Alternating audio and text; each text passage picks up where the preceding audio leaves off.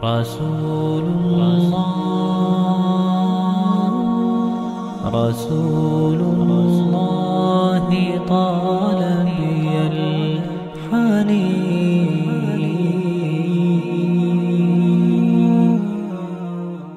السلام عليكم ورحمة الله وبركاته.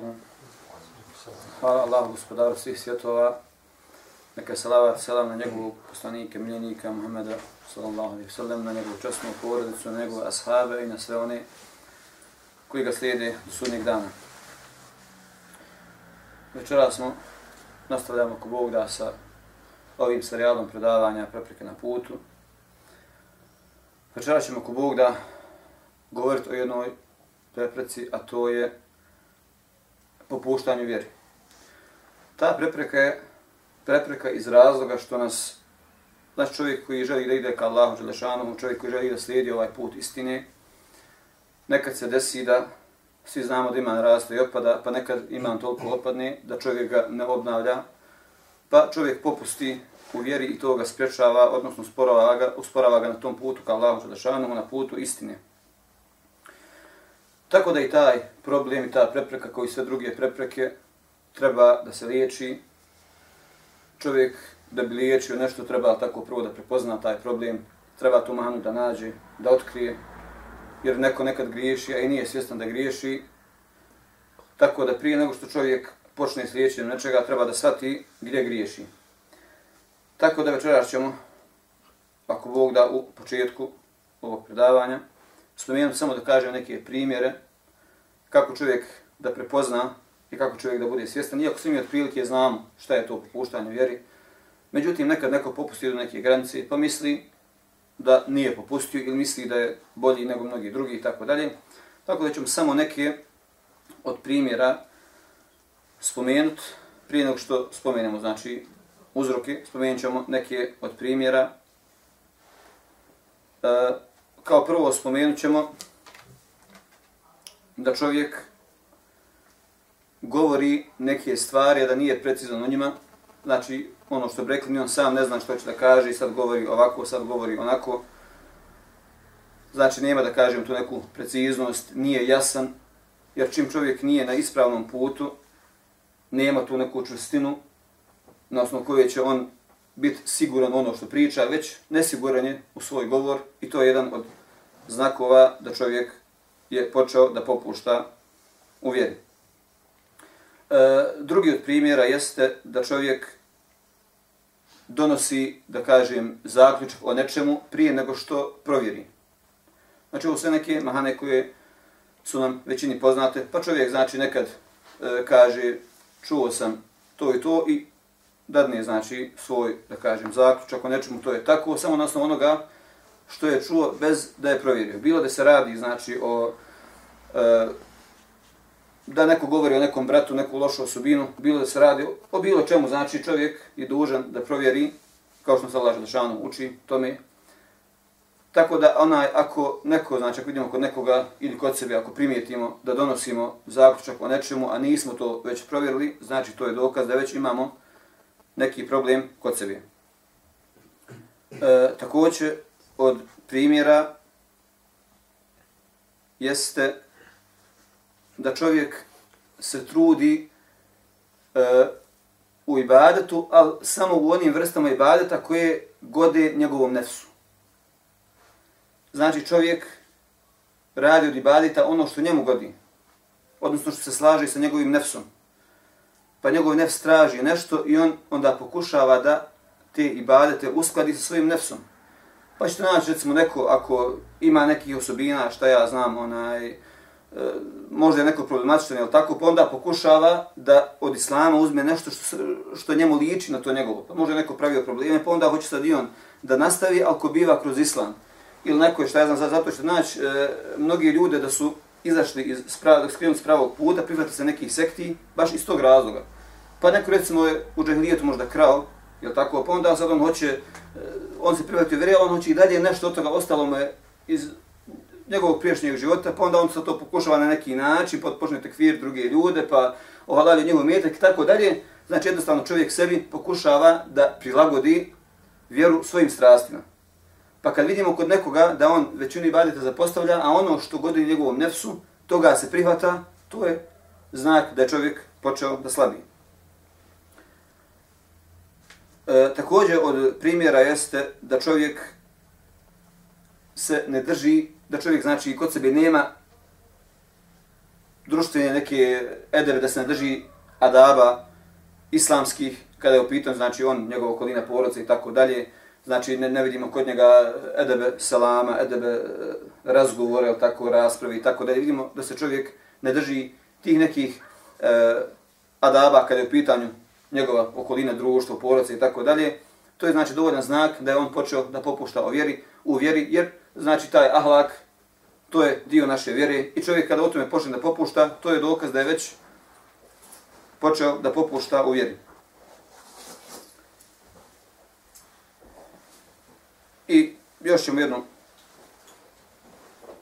tačku spomenuti, a to je da čovjek pokušava, znači, svi znamo što je ištihad, i onda čovjek vidio, znači vidio od nekih, šta znam, e, ljudi za neke propise, znači čuju na predavanjima da postoji ičtihad, jel tako, pa kaže na osnovu ičtihada dolazimo do, ovaj, do tog i tog zaključka, na osnovu tog i tog propisa i tako dalje. I onda ljudi pokušavaju sami, misle da su dostigli stepen ištihada, i onda pokušavaju da ičtihade tamo gdje nema mjesta ičtihadu. Pa recimo smo na predavanju, zbog toga i toga, ta, ta stvar je halal. Ili zbog toga i toga, ta, i ta stvar je haram. Znači zbog ištihada učenjaka. I onda on misli da je dostigao neki stepen, pa onda i on počne, jel tako, da misli da je, da je on u stanju da je čtihadi, pa i on onda počne i na takav način upada u haram, jel tako, i, jer i čtihad ne može biti u rukama ljudi koji nemaju znanja, znači čtihad je samo kod uleme i samo su oni u stanju da razumiju ovu vjeru. Tako ako vidimo nekoga da počinje, znači da umisli sebi da je on dostigao neki stepen ištihada, da on može da ištihadi u nečemu, to je znak da je takav čovjek već počeo da skreće sa prava puta da nas Allah Žešanu sačuva. E, koji su to uzroci koji čovjeka vode ka popuštanju vjeri? Znači onaj ko popusti u vjeri, sigurno na što postoji, što ga na to natjeralo. Znači svaki problem ima svoje uzroke. Ništa se nije tek tako desilo, ili tako, znači samo onako večeras je super, sutra više nije super, ne može. Znači svaki problem iza sebe ima neke razloge, isto što ima i posljedice, ali tako. Znači isto tako svaki problem ima svoje sebebe, odnosno razloge. Tako da i popuštanje e, u vjeri ima svoje razloge. Prvi od tih razloga koji ćemo spomenuti, znači cilj nam je ne samo da nabrojimo, da kažemo to, to, to, to i da se odavde raziđemo, već svako od nas, znači niko od nas nije savršen, svako od nas ima neki grešaka, svako od nas negdje, da kaže možda fula, pa cilj znači ovih predavanja jeste da čovjek ono što kod sebe prepozna, ako prepozna, da pokuša da se okoristi, da vidi da znači liječi kod sebe te neke uzroke, ako se pronađe. Tako da znači prvi od razloga koji ćemo spomenuti jeste pogrešno razumijevanje tog iltizama znači pogrešno razumijevanje tog pridržavanja za vjeru. Jer pridržavanje za vjeru ima, da kažemo svoje pravila, zna šta je vjera, e onda neko pogrešno razumije tu vjeru, pa misli da je e, pridržavanje za, vjeru nešto sasvim drugo. Pa ćemo naći neke ljude, e, pridržavaju se samo nekih propisa i misle da su obuhvatili čitavu vjeru, pa kod jednih ćemo naći da e, misle da je vjera samo ono duhovno, kod drugih ćemo naći da, da misle da je vjera samo vanština, jel tako, pa on sebe vanštinom prikaže kao vjernika, međutim iznutra je šupalj, isto tako ovi drugi iznutra sebe e, misle da su odgojeni iznutra, ali to ne pokazuje vanštinom, što također znači nije ispravno. Tako da znači jedan od razloga popuštanja u vjeri jeste pogrešno razumijevanje tog iltizama. Pa će neko e, pomisliti, dobro, ja sam, imam od vjere to, to, to i to, dobro, ja sam super vjernik, i onda umisli sebi da je već nešto postigo, i onda samim tim, čim, se, čim sebi insan umisli, da je na nekom stepenu, to je već prvi dokaz da si ti slab. Tako da čovjek e, ko pogrešno razumije pridržavanje za vjeru, to je već jedan od, prvi, jedan od razloga koji će ga dovesti do popuštanja u vjeri. Znači čovjek e, na koji način će znati na pravom putu, vrati se na Kur'an, vrati se na sunnet, vrati se na ulemu, onaj, no, niko od nas ne poznaje sve, tako sve propise i čitav islam, međutim vrati se na ulemu, uči o svojoj vjeri, Allah Želšanu, on se obavještava i naređuje, poslanik sa sedem prvo što naredio uči svojom gospodara koji stvara. Tako da znači čovjek E, ne može naučiti par propisa i misli da je obuhvatio čitavu vjeru. Tako da e, je prvi od razloga, znači jeste to da čovjek pogrešno razumije šta je to pridržavanje za vjeru. Drugi razlog koji ćemo spomenuti jeste loš uzor u vjeri. Pa znači svako od nas treba da ima, normalno svima nam je uzor poslanik sallallahu alaihi wa sallam, međutim čovjek u svom vremenu uvijek treba da ima nekoga ko slijedi poslanika sallallahu alaihi wa sallam. Svi mi trebamo slijediti poslanika sallallahu alaihi wa sallam, tako. Međutim danas dođe jedan kaže, ovo ti je sunet, drugi dođe kaže, ovo ti je sunet, i onda insan ne zna više šta je sunet. Tako da čovjek, znači, ne može tek tako samo da kaže ja slijedim sunet, čovjek mora da ima sebi uzor. Svima nam je uzor poslanik sallallahu međutim čovjek danas u, u svom vremenu treba da ima nekoga ko svojim ponašanjem, svojim djelovanjem, svojim znanjem, svojim bogobojaznošću, tako, koji Allah Želešanu dadne insanu da vidi na nekome, da je taj insan bogobojazan. Jer zna Allah Želešanu kad nekoga zavoli, dadne da ga ljud zavoli. Tako insan na nekome vidi da je taj insan Allah Želešanu blizak, da taj, da taj insan pokazuje svojim ponašanjem vjeru. Tako da čovjek znači, treba u svom vremenu naći nekoga ko će da mu bude uzor, da bi ispravno vjerovao. Dok onaj ko ima pogrešan uzor, znači shvatio da treba sebi da ima uzor, međutim uzeo sebi pogrešnu osobu za uzor, nekoga ako nije vjeru shvatio, ko se predstavlja samo da je shvatio vjeru, u stvari on u zabludu i druge ljude vodi u zabludu, tako da je i to jedan od razloga koji e, vode ka popuštanju u, vjeru, u vjeri, jer taj neko, znači, ko se predstavlja kao neko ko zna, međutim nema znanje i nije vrijedan toga da bude uzor, ako njega slijediš, a on nije dovoljno vjeri, samim tim počeće da te odvodi od pravog puta i da kod tebe znači već e, slabi tvoje pridržavanje za vjeru. Treći od razloga zbog čega ljudi popuštaju u vjeru jeste to što njihov iman slabi. Vjerovanje ahlu sunnata od džemata jeste da iman raste i opada, raste sa dobrim djelima, a opada sa griješenjem. Iman čovjeka treba da se obnavlja. Znači iman ne može da stoji na jednoj razini. Znači iman čovjeka treba da se uvijek obnavlja. Jer iman insanu daje e, snagu. Iman insanu daje snagu da podnese teret, bez obzira bio to teret vjere, bio to teret iskušenja, bio to znači e, jednostavno iman ima neku svoju snagu koja insanu pomaže da se drži vjere. Međutim, kada ta energija, kada ta snaga oslavi, tad čovjek počinje da skreće sa pravog puta. Što čovjek treba u toj situaciji da radi?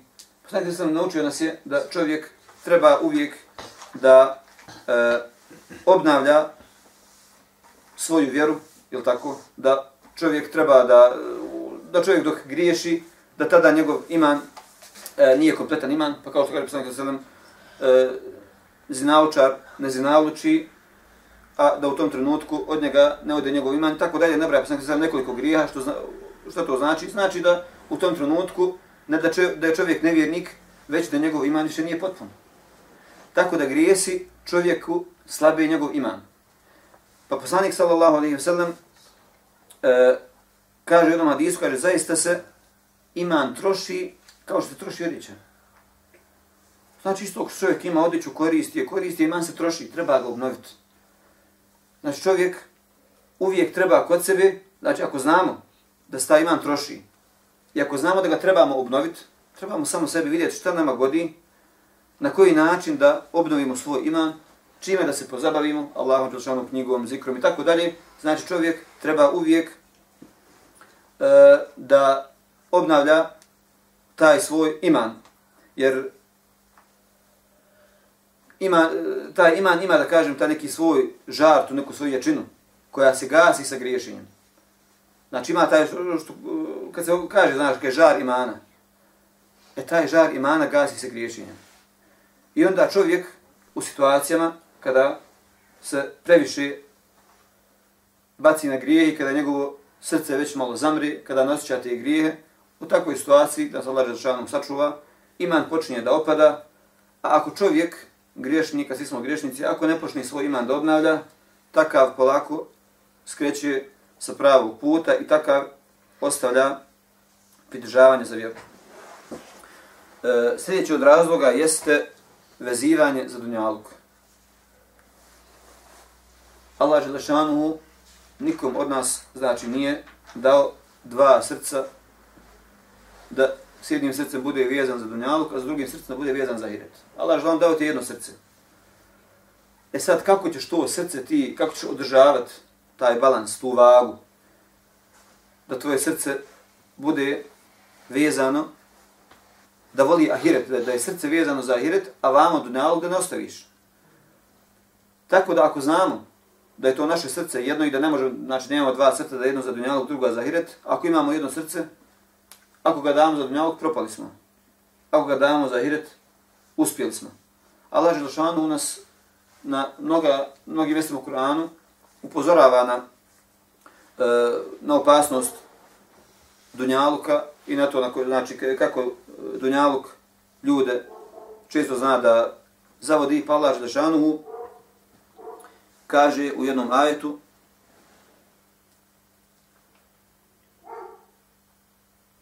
O ljudi, bojte se gospodara svoga i dana kada roditelj djetetu svome neće moći nimalo pomoć, a niti će dijete moći pomoć svom roditelju, a Allah kaže prijetnja je istinita, pa neka vas nikako život na ovom svijetu ne zavara i neka vas u Allaha Želešanu šetan ne pokoleba. Pa Allah Želešanu ovom ajetu upozorava čovjeka da na hiretu neće niko nikom moći pomoći. Ne možete znači da nalog zavara. Allah Želešanu nakon toga što spomenje da neće čovjek roditelj moći pomoći djetetu, niti djete čovjeku.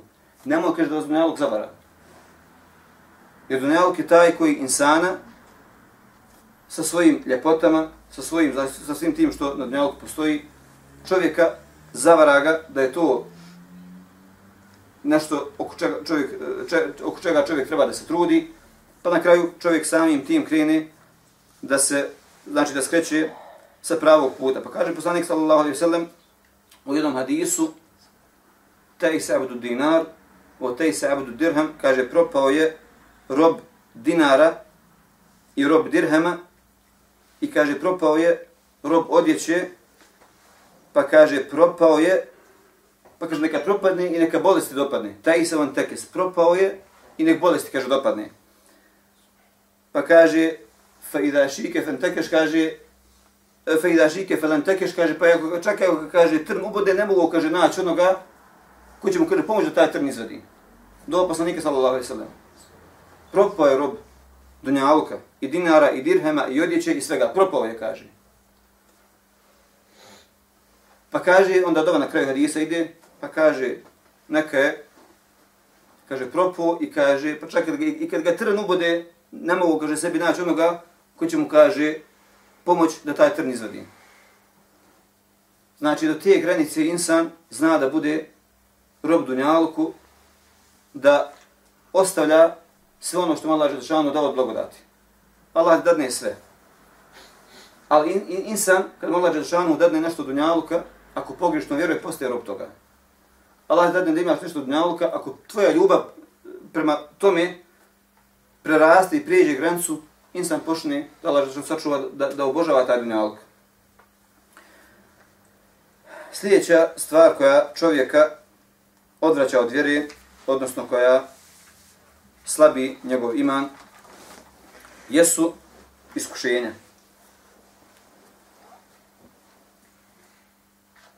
Pa kad iskušenje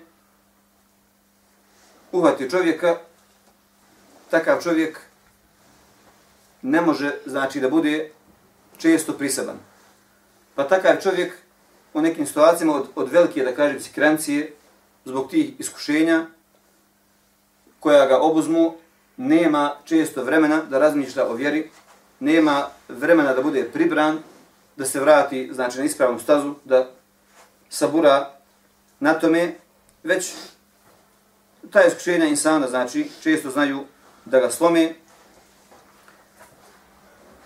Pa insan, ako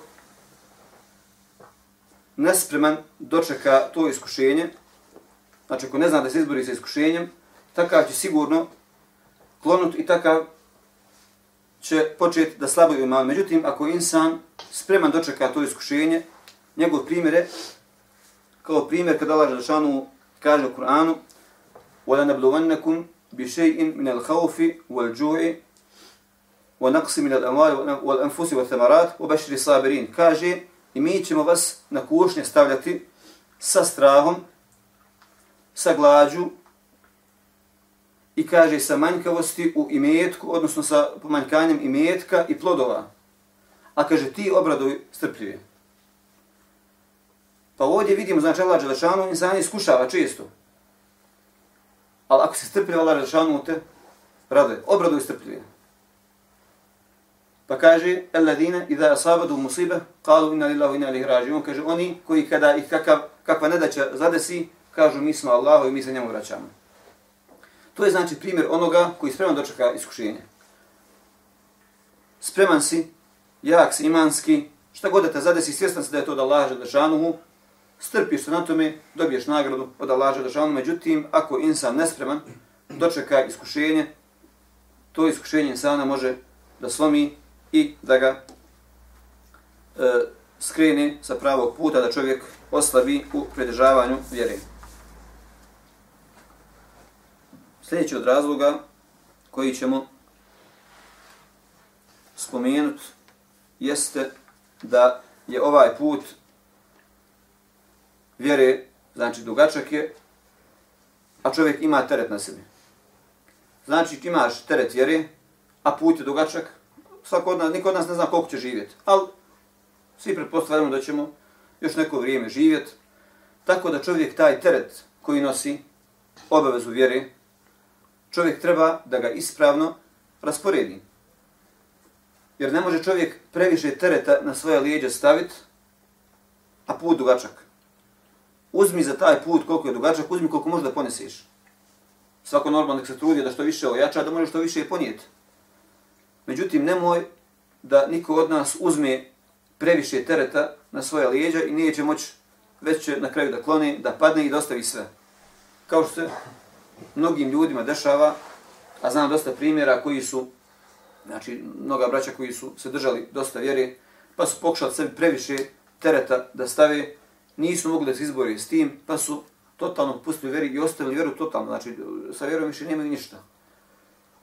I u toj situaciji, znači čovjek treba da is, na ispravan način sebi da rasporedi e, taj teret. Znači čovjek obaveze treba da ispunjava što malo žao naredio. Međutim, kada su u pitanju dobrovoljni ibadeti, čovjek ne smije sebi previše da stavlja na teret. Koliko si u stanju, toliko radi. Allah Želešanu draže je dijelo malo, da si ustraja na tome, nego da imaš veliko dijelo, a da ga kratko radiš da ga ostaviš. Jer čovjek kad ima makar nešto, makar malo djelo, kad imaš i ustrajan se na tome, Allah Želešanu mu zavolite zbog tog djela na kojem si ustrajan.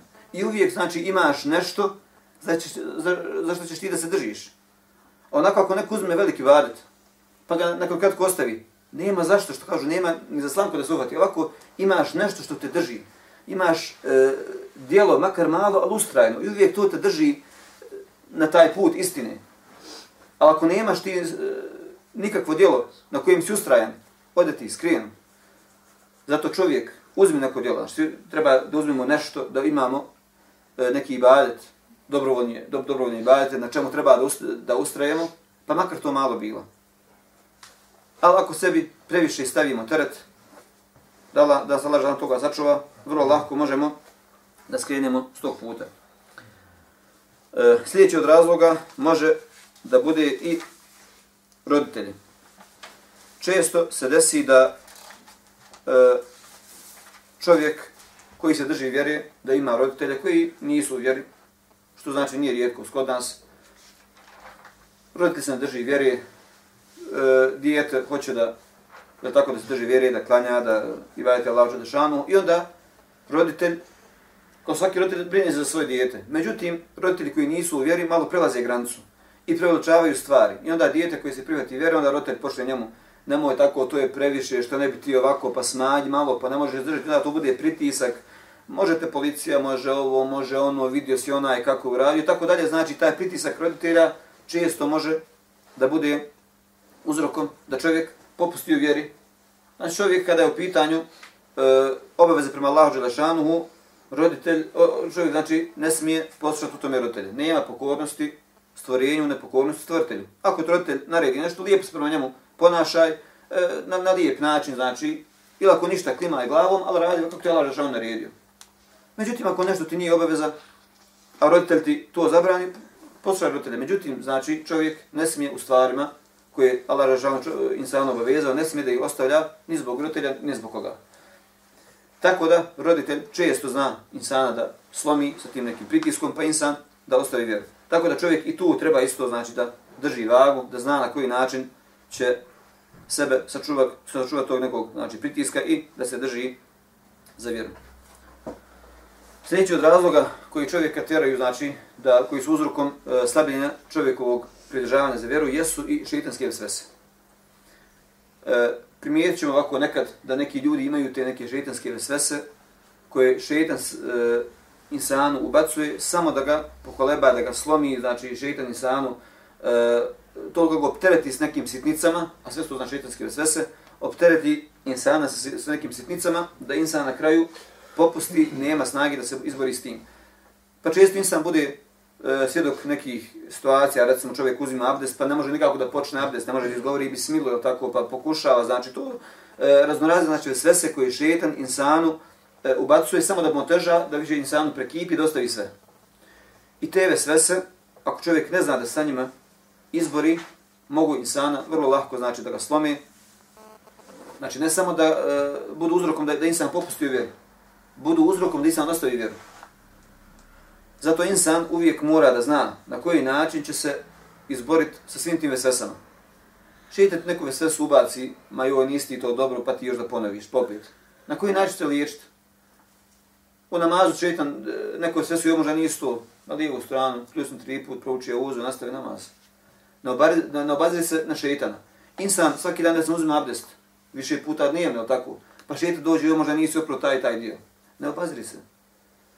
Jer ti svaki znači, ti, ti stolko da kažeš da to izvježbo da, da skoro nemoguće da pogriješiš.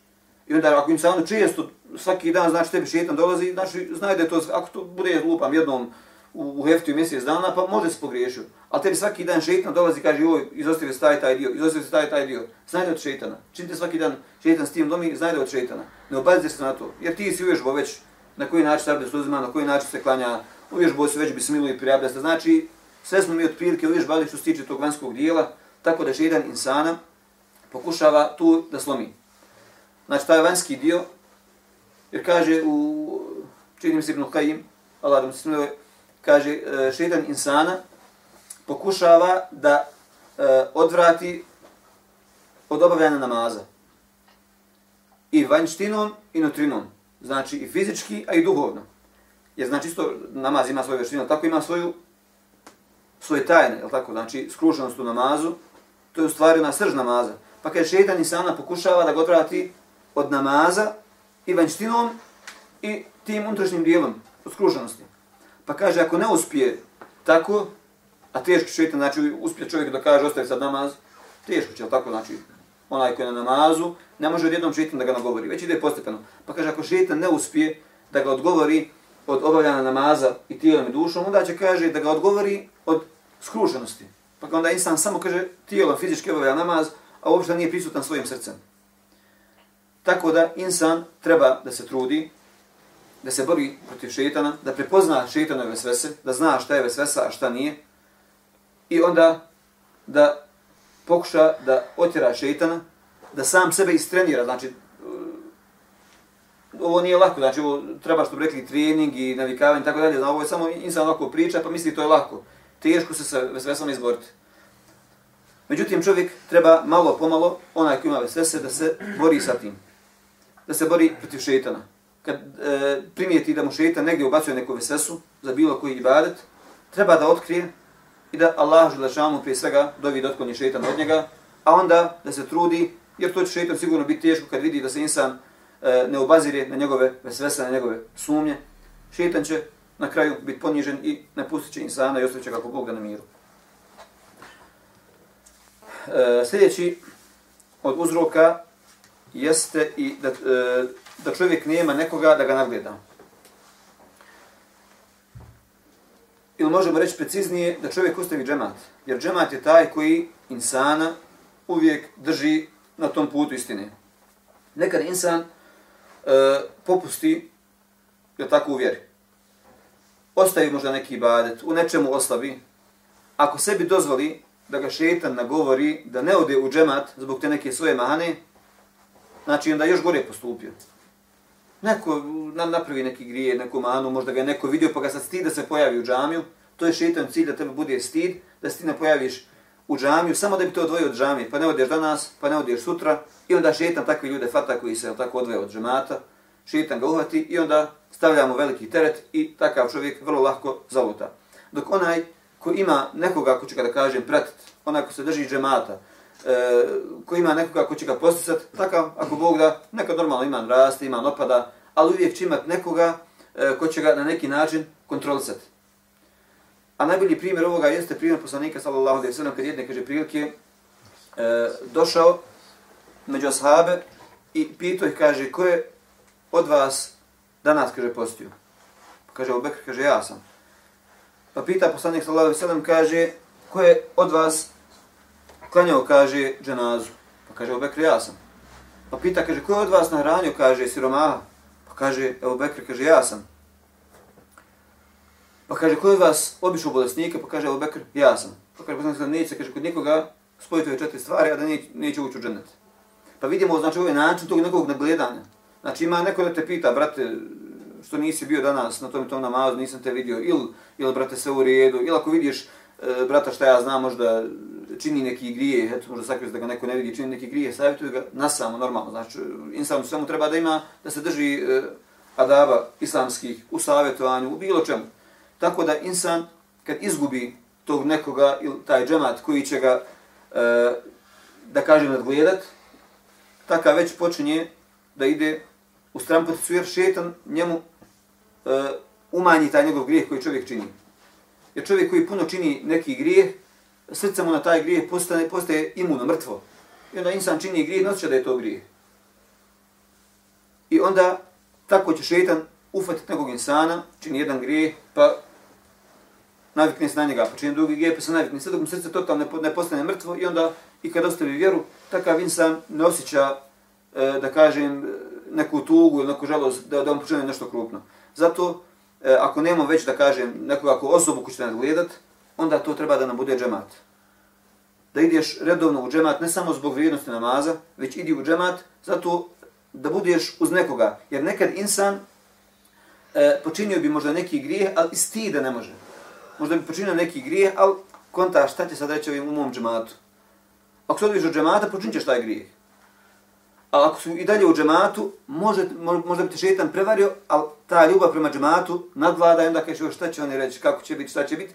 I onda to te drži na tom pravom putu i insan i dalje ustraje. Međutim, ako izgubiš, odnosno ako, ako se odviš od džemata, nema ko da te upozorava, ode insan. Jer mi živimo u, u mjestu gdje niti ni, ni obavezan, ni po čemu razumiješ da niko te ne, ne tjera da budeš vjernik i tako dalje. Znači, u vremenu posljednika Ali selam, znalo se, ako činiš neke grije nešto, izvoluju to odmah, niko te ne, ne prepoznaje kod da si stul. Nite selam, isto kod da ti gledaš ljudi sebe, niko tebe ne vidi, kroz tebe gledaju. Međutim, danas čovjek što god da radi, danas nije od mudrosti ti nekoga da e, izbjegava zbog njegovog grija. To nije danas mudrost. To je bilo vreme poslanika Ali Salam. Kad su muslimani jaki, onda ti izbjegava nekoga zbog njegovog grija. Ali danas te nekoga izbjegava zbog grija ne može. Jer ti ga izbjegavaš, gore si mu učinio. Nego na lijep način, brate, zna da si počinio grije. Svi mi griješimo. Ali eto, da pokušaj, va, Znači, na lijep način savjetujem nekoga kad vidimo da je, da je počinio grije. Budi ti taj, e, ko ćeš nekoga nadgledat. Zato je džemat, Allah je tako dao da, da u džematu u svakom pogledu hajr.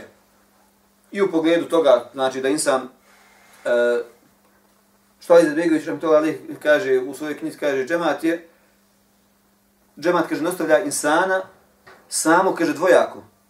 Niti kaže insan u džematu sam, pa da radi, kaže šta hoće, a niti kaže sam, pa da ga drugi eh, ne obilazi, znaš, kad, kad, ga, ne, kad ga nešto zadesi, da ga ostavi samog. Znači, niti sam da možeš raditi što hoćeš, a niti sam da budeš ostavljen od drugih. Tako da je korist od džemata korist. I svi treba da se trudimo, znači prvi korak od nas jeste da se mi držimo džemata. Jer ako se mi ne držimo džemata, sami smo sebi bela napravili, a na nama je da vidimo ako neko krene da popušta o vjeri, da mi budemo ti koji će ga za Allah pomoć upozoravati i vraćati na ispravan put.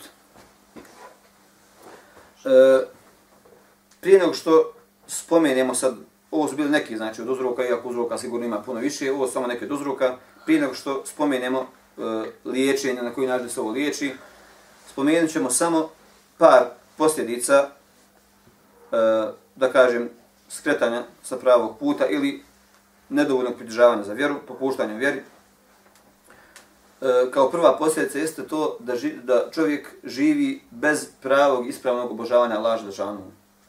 Pa ko počne da popušta vjeru, takav Allah Đelešanu neće sigurno obožavati onako kako Allah Đelešanu zadovoljan. Počet će da skreće s pravog puta, počet će znači da e, mnoge propise da postavlja, nama ćemo možda biti e, nedovoljno neće biti dovoljno posvećen namaz, neće biti dovoljno skrušen, tako dalje, znači čovjek kao posljedicu toga imaće samo to da, odnosno između ostalog imaće to da ne obožava Allah Đelešanu onako kako bi trebao da ga obožava. E, druga od posljedica jeste to da čovjek gubi povjerenje kod ljudi. Pa onaj koji je recimo sebi izgradio neko svoje društvo, je tako, onaj ko živi sa, ko, ko živi vjeru, njegovo društvo su ljudi vjernici. I on je s tim ljudima, znači, uspostavio kontakte, živi sa njima, sve, znači, većina njegovog života veže se za te ljude koji su e, istog razmišljanja kao i on. Tako da čovjek kada popusti u vjeri, gubi povjerenje tih ljudi, jer ljudi to danas, dojuče su imali, znači, povjerenje u tebe, super, dobar se bio, ti vidi danas popusti su u vjeri, počne gubiti povjerenje u tebe. I onda samim tim gubiš i njihovu pomoć, i njihovu potporu i tako dalje, tako da je to druga od posljedica. E, I treća od posljedica jeste to da čovjek sa popuštanjem u vjeri može da zapadne u depresiju. Jer depresija, zbog čega čovjek bude depresivan, iz razloga što čini grije. A onaj ko čini grije, njegovo srce ne može da bude smireno. Jer srce vjernika se smiruje sa spominjanjem Allaha Đelešanu. Allah bi zikri Allah tatminu od kulub. Zaista sa spominjanjem Allaha Đelešanu srce smiruju.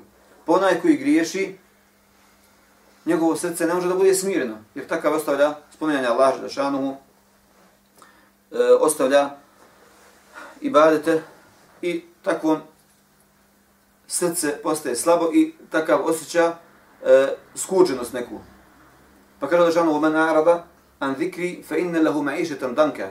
Pa kaže onaj ko se uh, udalji od zikra, od Kur'ana, od spomenja Allaha Đelešanuhu, takav će imat skužen, težak život. Nećeš biti onaj vesel, nećeš biti radosno. Osjećat će zbog tih grijeha tu neku depresiju, tu neku tugu. Tako da je kao posljedica popuštanja u vjeri i ta depresija koja insana često oslabi u svakom pogledu, znači insan onda ne može ni fizički, ni, ni tu polju vjere, ni tu polju dunjaluka, ne može od sebe da dadne maksimum. E, kad je u pitanju način na koji čovjek treba da liječi ovaj problem kod sebe, znači svaki problem ima svoje rješenje, samo čovjek e, treba uvijek sebi da nađe najbolje rješenje, a čovjek prije svega treba da nađe uzrok e, određenog problema. Čim nađeš uzrok, onda nađi odgovarajući lijek i odgovarajući rješenje za taj uzrok. Možda neko ima više uzroka popuštanja vjeri, možda neko ima samo jedan uzrok popuštanja vjeri, što, koje smo naveli, a ima, sigurno imamo toga puno više e, koje nismo čas spomenuli, a sigurno neko možda od vas ima da doda. Međutim, znači, e, god kod sebe nađe neki uzrok koji ga odvodi do Allaha Đalešanu, takav treba da nađe odgovarajući lijek. Pa ćemo sad spomenuti samo nekoliko znači, stvari koje čovjeku mogu pomoći u liječenju ovog problema. Kao prvo, čovjek treba da shvati šta je to stvarno i ispravno pridržavanje vjere. Znači, da tvoje svačanje vjere ne bude pogrešno pa da ti misliš da je vjera samo vanjština ili da je vjera samo duhovnost, već da insan ispravno shvati šta je vjera, šta je to iltizam, da nije to samo kad kažeš neko se po on je samo pustio bradu sad on, razumiješ, teški, su vjera znači on je sad gotov, on je obuvajtio čitav islam, a tamo ga vidiš e, namrgođen nakav, nakav, ili neko kaže, ne, ja sam iznutra čist, ja sam moje duše čišća, a vamo vidiš niti klanja, niti poslije, ništa ima od islama. Tako da znači, e, rješenje problema jeste da insan ispravno shvati šta je to pridržavanje za vjeru. I onda kad shvatiš šta je ispravno pridržavanje za vjeru, ti si već e, na pravom putu da riješiš taj svoj problem i onda insan treba da se trudi, niko od nas ne može s, što bi rekao, čito vjeru da obuhvati, nekad insan slab, nekad jak. Međutim, insan kad shvati što je pravi put, treba da se trudi, da se tog puta drži što više može. Allah je nikoga ne optreće preko njegove mogućnosti. Međutim, insan, e, kad bi po ovom principu radio, insan bi se što bi rekao slomio. Koji god ibadet da kažeš jesam u stanju, nisam, ma jesam nekako, pa bi radio. Pa jesam u stanju, kad bi se preispitivo na osnovu ovog ajeta, da Allah ne optreće nikoga preko njegove mogućnosti, insan se slomio od ibadeta. Rekao, Boga me ovo sam u stanju odraditi, ovo sam u stanju odraditi. Tako da, znači čovjek treba da se trudi da što više, znači prije svega treba da obratimo pažnju na ono što mi je Allah u obavezu stavio, farzovi, pa tek onda insan da se, e, pored toga, da se pozabavi drugim na filama koje će njega učiniti tako Bog da jačim i sretnim i bližim Allahu Želšanu. E, čovjek treba da se potrudi da jača i da obnavlja svoj iman. Znači, rekli smo da iman raste i opada, tako da, da, da se iman troši, kao što kaže poslanik Ali Selam, da se iman troši kao što je troši odjeća, pa insan treba e, da nađe način na koji će obnavljati taj svoj iman. Svakako da je jedan od najbitnijih načina i što čovjek treba da se tome možda ponajviše pozabavi jeste Kur'an. Da se insan pozabavi Kur'anom. Da insan ne dozvoli sebi da napusti Kur'an Od, insan treba sebi svaki dan odvojiti dio da se druži sa Allahom Đelšanom govorom. Znači, da ne bude to samo i u tome hajr, da insan samo uzme da pročita, da zatvori u tome hajr. Međutim, šta je pravo učenje Kur'ana? Učenje Kur'ana pravo je učenje koje će na tebe da utiče. Kako će uticati? Uzmi, pročitaj ajete. Pročitaj prijevod tih ajeta. I onda razmišljaj o tim ajetima. Jer Allah Đelešanom je Kur'an poslao da razmišljamo o njemu. Znači, Kur'an nije poslan samo da bi njega čitali, a ne znamo ni šta je ni kako je. Kur'an je poslan ko poruka nama, da mi iz njega izvučemo neku korist za sebe. Ako ne budemo razmišljali o tim ajetima, kako ćemo izvući poruku? Mi zaradit ćemo jako Bog ja savape za svaki taj harf. Međutim, e, hoće li to učenje takvo samo da ti čitaš harfove, a da ne znaš šta si pročito, hoće li to na nas utjecati ili neće?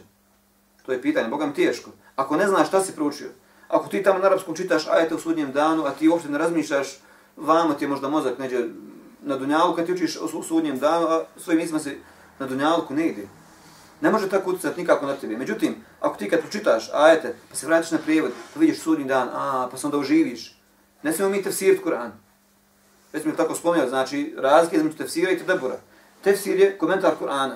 Taj, taj ajet znači to i to. Međutim, tedebur, razmišljanje o Kur'anu, to je nešto sasvim drugo. Allah spomene sudnji dan i ti onda staneš i razmišljaš o sudnjem danu. Kako će biti na sudnjem danu? Šta će biti, kako su dešavanja?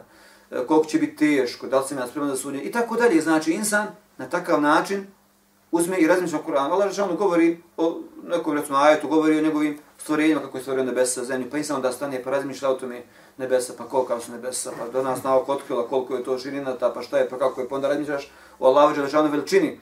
Je tako? To, to je lijek i sigurno jedan od, od najboljih e, lijekova za slab iman. Da insan obnovi svoj iman na takav način.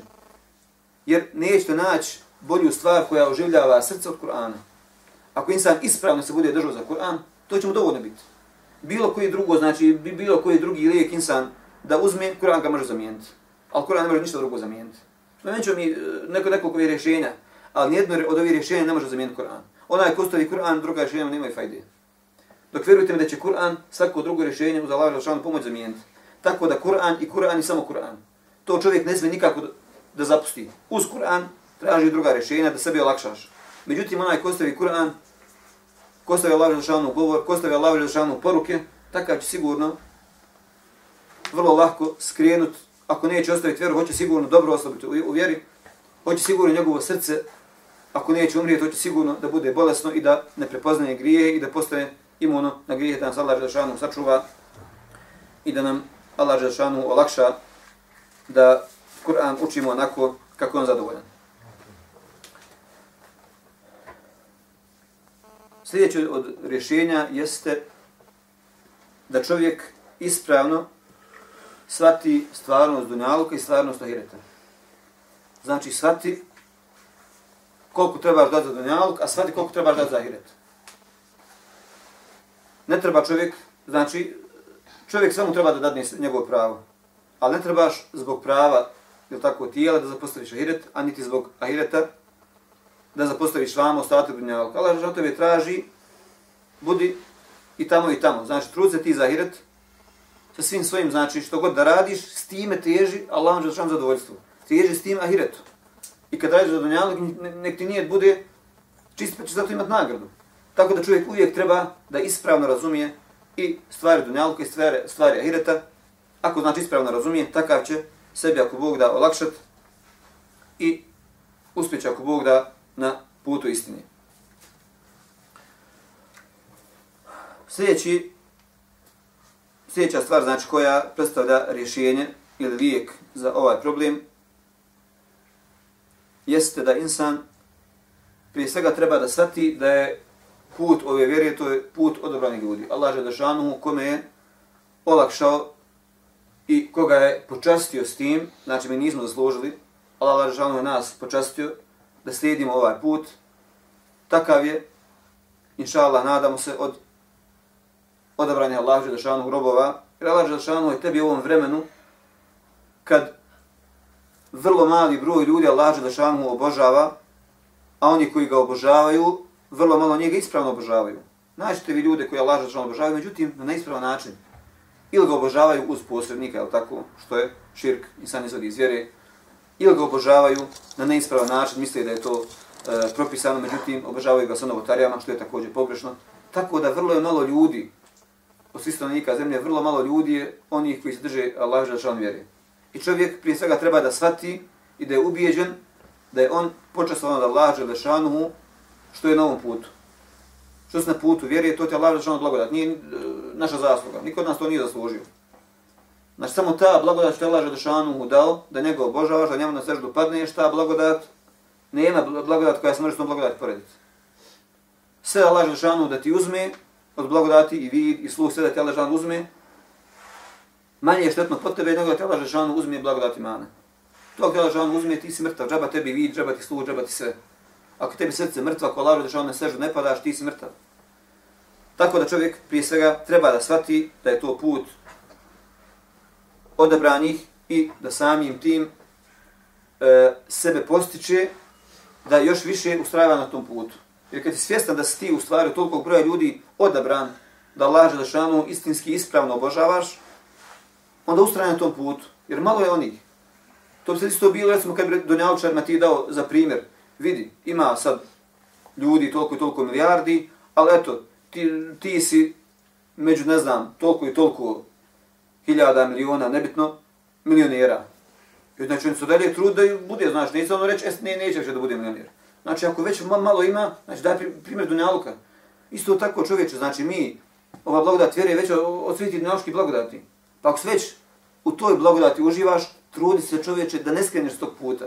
Jer izgubit ćeš najveće bogatstvo koje niko može da ima. Bogatstvo vjere je tu, znači slast imana koju e, niko drugi osim muslimana ne može da osjeti. Tu slast znači koju, kao što kaže Sabi, sabljom da je uzmu, ne bi mogli uzeti ono slast imana. Ta slast imana je nešto, nešto najljepše, od najvećih užitaka. Pa poslanik gleda se kad kaže, e, od unjavka kaže, volim hajrli ženu i, i lijep miris, ali kaže slast, odnosno radost mog oka, odnosno ta slast, jeste kaže u namazu. Žene i e, ljubav prema ženama, znači da imaš hajrli ženu, da imaš lijep miris, a tako tu nauka, to voliš. Međutim, ovo, ovo je iznad ljubavi. Ovo se ne može, znači, svako može imati hajrli ženu, svako može imati lijep miris, ali ima ne može svako da ima. To je iznad ljubavi, to je još slađe, još ljepše. Tako da onaj kokusi, slast imana, takav ga šteti će biti da ga ostavi. Tako insan, ako je svjestan da je e, te blagodati, takav samo treba da ustre na tom putu i ne treba dozvoliti šeitanu da ga odvede u stramputicu. E, sljedeći od razloga jeste da, odnosno od e, načina liječenja jeste da čovjek sebi na pleće ne stavlja teret koji ne može podnijeti. Znači već kad smo spominjali uzroke, otprilike smo ukratko spomenuli rješenje, a to je da čovjek ne stavlja sebi na teret osim onoliko koliko može da ponese. Tako da trebamo znači uzeti malo djelo, ali da smo ustrajni na tom djelu, jer će to Allah Želešanu biti draže nego da imamo veliko djelo koje će se nakon nekog vremena prekinuti. E, također, od načina liječenja jeste da čovjek uvijek upozorava prije svega sebe, a onda i druge, na šeitanske vesvese i kako one djeluju. Desi se da je možda neko imao neku vesvesu, pa da uspije da se izbori protiv šeitana. Takav ako primijeti vesvesu kod nekoga drugog šeitanskog da ima problema, treba da ga upozori, da mu kaže na koji će način, jel tako, ako je ta vesvesa slična, da mu kaže na koji način da se toga kloni, tako da čovjek uvijek treba da bude svjesno da upozorava prije svega, prije svega sebe, a onda i drugi da upozorava na šeitanske vesvese koje insana često slomi. E, sljedeće od liječenja jeste da se čovjek drži za džemat, to smo znači spomenuli, kad spomenuli problem, da se čovjek ne odvaja od džemata, da ako ima razlog da ne ode na određeni namaz u džemat, da to da ne dozvoli sebi da to potre duže vremena, već imaš razlog, ali pojavi se svaki dan, budi tu i čisto nek ima to neko nadgledanje jedni drugih, da se jedni za druge vežemo, da, da naša srca znači budu u džematu bliska, jer kad jedni druge zavolimo, onda će nam biti teško kad vidimo da naš brat u vjeri da je on negdje popustio, bit će nam teško da dozvolimo da ga takvo gledamo. Tako da, držanje za džemat jeste jedna od bitnih stvari koje čovjek sebi treba da priušti, a sve ono ne fala žal lako, samo čovjek treba da se protiv tog šeitana bori koji insana odgovara od džemata. E, još ćemo jedan razlog spomenut, odnosno jedan, jedan, jedno rješenje spomenut, a to je samobračun. Čovjek uvijek u svim stvarima treba da vodi samobračun. Govor o samobračunu, koliko god insan da ga spominje, nije dovoljno. Ne može insanu dosaditi, jer samobračun je stvar koju čovjek treba svaki dan da se samobračuna. Znači, ne samo jednom godišnje, pa da kažeš, e, kako je prošla sad ova prošla godina, sad dolazimo u novu godinu, kako je prošla nova godina, ne. Čovjek svaki dan treba da vodi obračun sam sa sobom, da vidi šta je taj dan uradio, kakav si bio, šta si bio.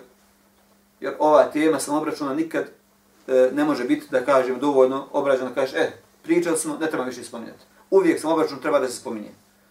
Čovjek uvijek treba se, sebe treba da trenira na taj sam obračun, pa čovjek dođe ili na kraju dana, ili nekad dođeš sebi kad si sam, kad nemaš e, šta znam da te djeca uznamiravaju, da skaču po tebi i tako dalje, znači nađeš sebi vrijeme kad možeš ti sam sjesti i razmišljati.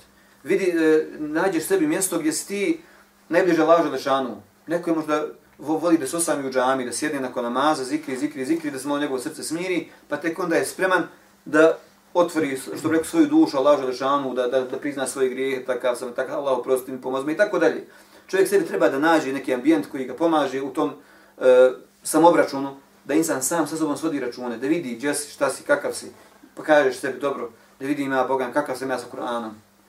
Pa jesam tu zakazao, nisam zakazao. Ako sam dobar, alhamdulillah, da vidim, sigurno imam neki drugi problem, da vidim kakav sam vam u odnosu, kako sam u odnosu sa braćom, da li se ja prema njima ponašam lijepo, da li ih vrijeđam, da li se ih smijavam sa njima i tako dalje. Znači, insan sebe treba uvijek da gleda gdje fula, znači da vidi danas, vrati svoj dan na brzaka, ga samo primotaju par minuta, kaže dobro, danas sam radio to, to, to, to je dobro, to nije dobro, e, to što nije dobro, da vidimo e, kako sam to mogao vratiti sebi film, sam sa situaciju da se drugačije postupio, kako bi bilo. I onda na takav naš sebi istreniraš da drugi put bolje se ponestiš prema nekome, da ispraviš kod sebe grešku. Tako da korist samobračuna je velika korist. Isto kao što smo rekli, znači da vamo e, ništa ne može zamijeniti. Kur'an, isto tako i ovaj samobračun, i on je sam za sebe i ne postoji nešto što ga može e, zamijeniti da bi čovjek sebe preodgojio. To znači stvari na koje nas je Allah Đelešanu u Kur'anu postiče i njegov poslanik sallallahu Fal tanzur nefsun, ma qaddamat ligad. Neka svaka svaki čovjek pogleda što je sutra pripremio, vidi, sjedi, vrši sam obračun, to je ajet gdje nas Allah uči sam obračunu. Sjedi, vidi šta si za sutra pripremio. Znači šta sam ja danas radio? To što danas radio, to ti stvari pripremio za sutra. Koje je sutra? Sudnji dan. Ta današnja tvoja djela vidi jer jel odgovaraju za tvoje, jel su za tvoje dobro, jel su na tvoju štetu. Tako da čovjek sa tim samobračunom samo će e, sebi korist donijeti i samo će sebe, ako Bog na sebe pozitivno djeluje. Molim Allah Želešanu da od ovih riječi vidimo makar neku korist, da ovo bude dokaz za nas, a ne protiv nas, da nam salađa državno svima smiluje, da nam oprosti grije, da ojača naš iman, da nam olakšava da vršimo samobračun, da nam Allah državno olakša da Kur'an ispravno učimo, da obnavljamo svoj iman i da ne dozvolimo sebi da nas šeitan odvodi u stramputicu, već da smognemo snage, da se borimo protiv šeitana koji je čovjekom sigurno najbolj, najveći prijatelj. Molim Allah da da nas u džanetu sakupi kao što se ovdje sakupio da nam oprosti grijehe i zadnja dove neka hvala Allah gospodaru svjetova i neka salava salam na njegovog poslanika. Salamu alaikum. Salamu alaikum.